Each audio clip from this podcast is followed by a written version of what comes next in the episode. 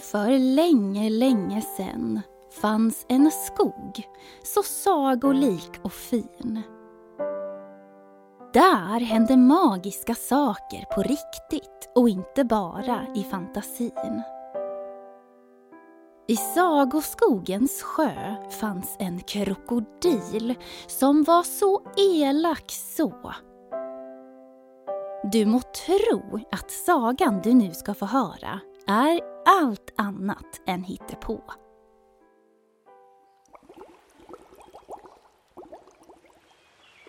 Trollbarnen Sten och Flisa hade precis kommit fram till sagoskogens vackra sjö. Solen sken och vid vattenfallet hade det bildats en lång kö. Kön bestod av väsen och djur som ville hoppa från klipporna nära vattenfallet. Först i kön stod det lilla skogstrollet Hubert och han hade det vackraste hårsvallet. Hubert gjorde sen ett riktigt magplask rakt ner i vattnet. Efter honom hoppade husmusen Harriet. Hon hade tidigare tävlat i simhopp och gjorde minst sju volter i luften nonstop.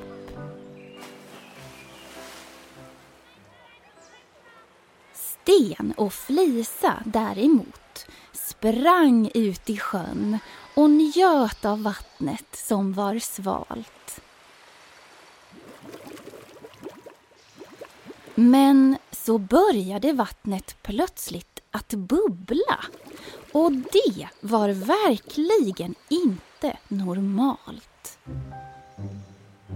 Vad är det som händer? Frågade Sten lite oroat. Felisa satt på sig sina simglasögon för att dyka ner och kolla om sjön fått fnatt. Hon eh, tog ett djupt andetag och dök ner till botten av sjön där hon fick syn på massvis med bubblor som var små. Det var flera hundra stycken. Flisa försökte räkna dem men slutade vid 132. Men så under alla bubblor fick Felisa syn på två runda fiskar. Och runt fiskarna yrde bubblorna i ett virvar. I sjön bodde nämligen blåsfiskarna Bobo och Bodil.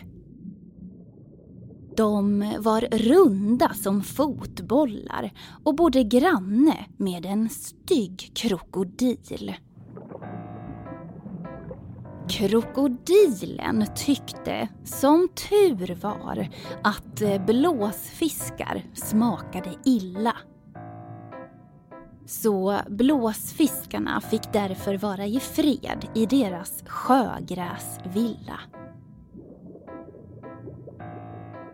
Däremot så tyckte krokodilen om att reta Bobo och Bodil.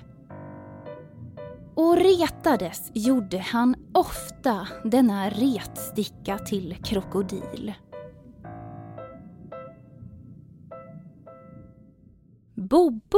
Som var Bodils lillebror, hade nämligen inte lärt sig att blåsa stora bubblor ännu.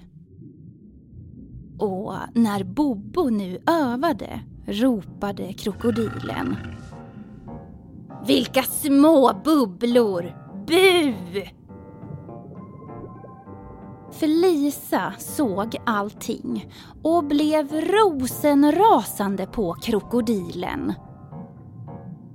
Hon simmade ner mot honom, redo att bli hans ovän. Sluta retas!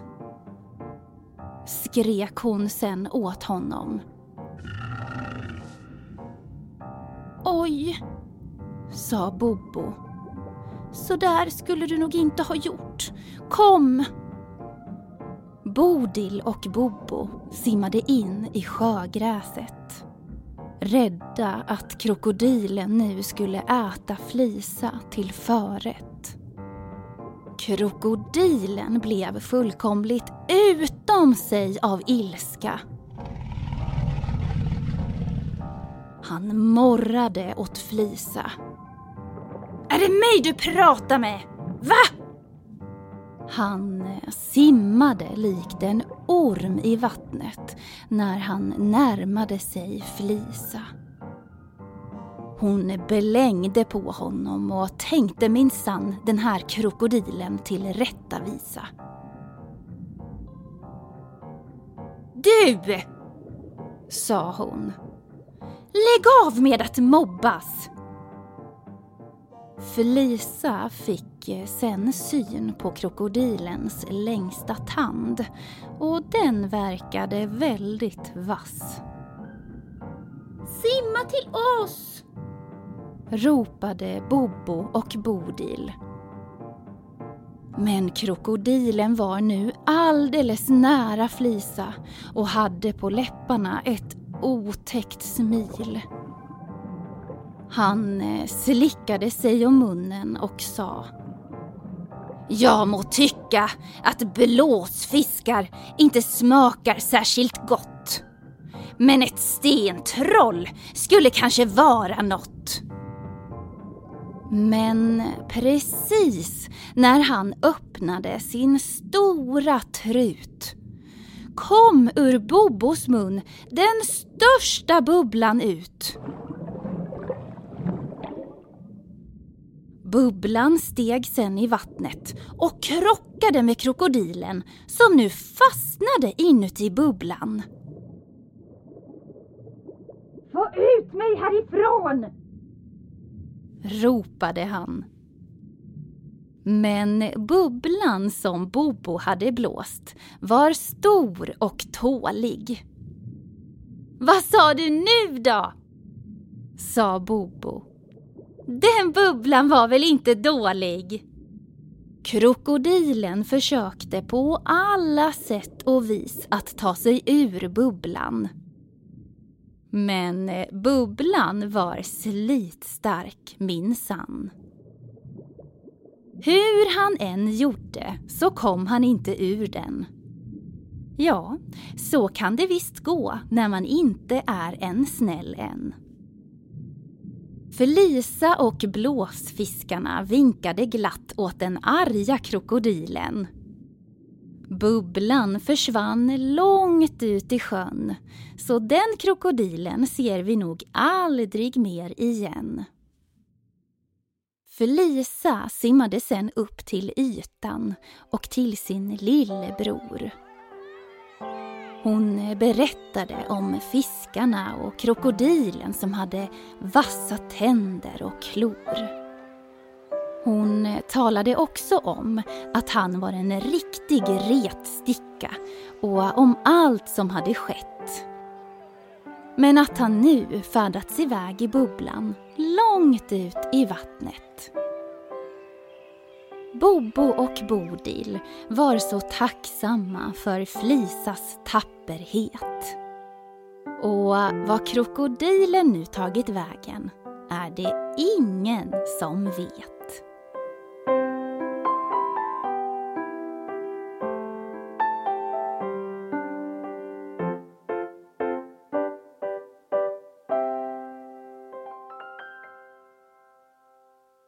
Ni har lyssnat på Sagoskogen.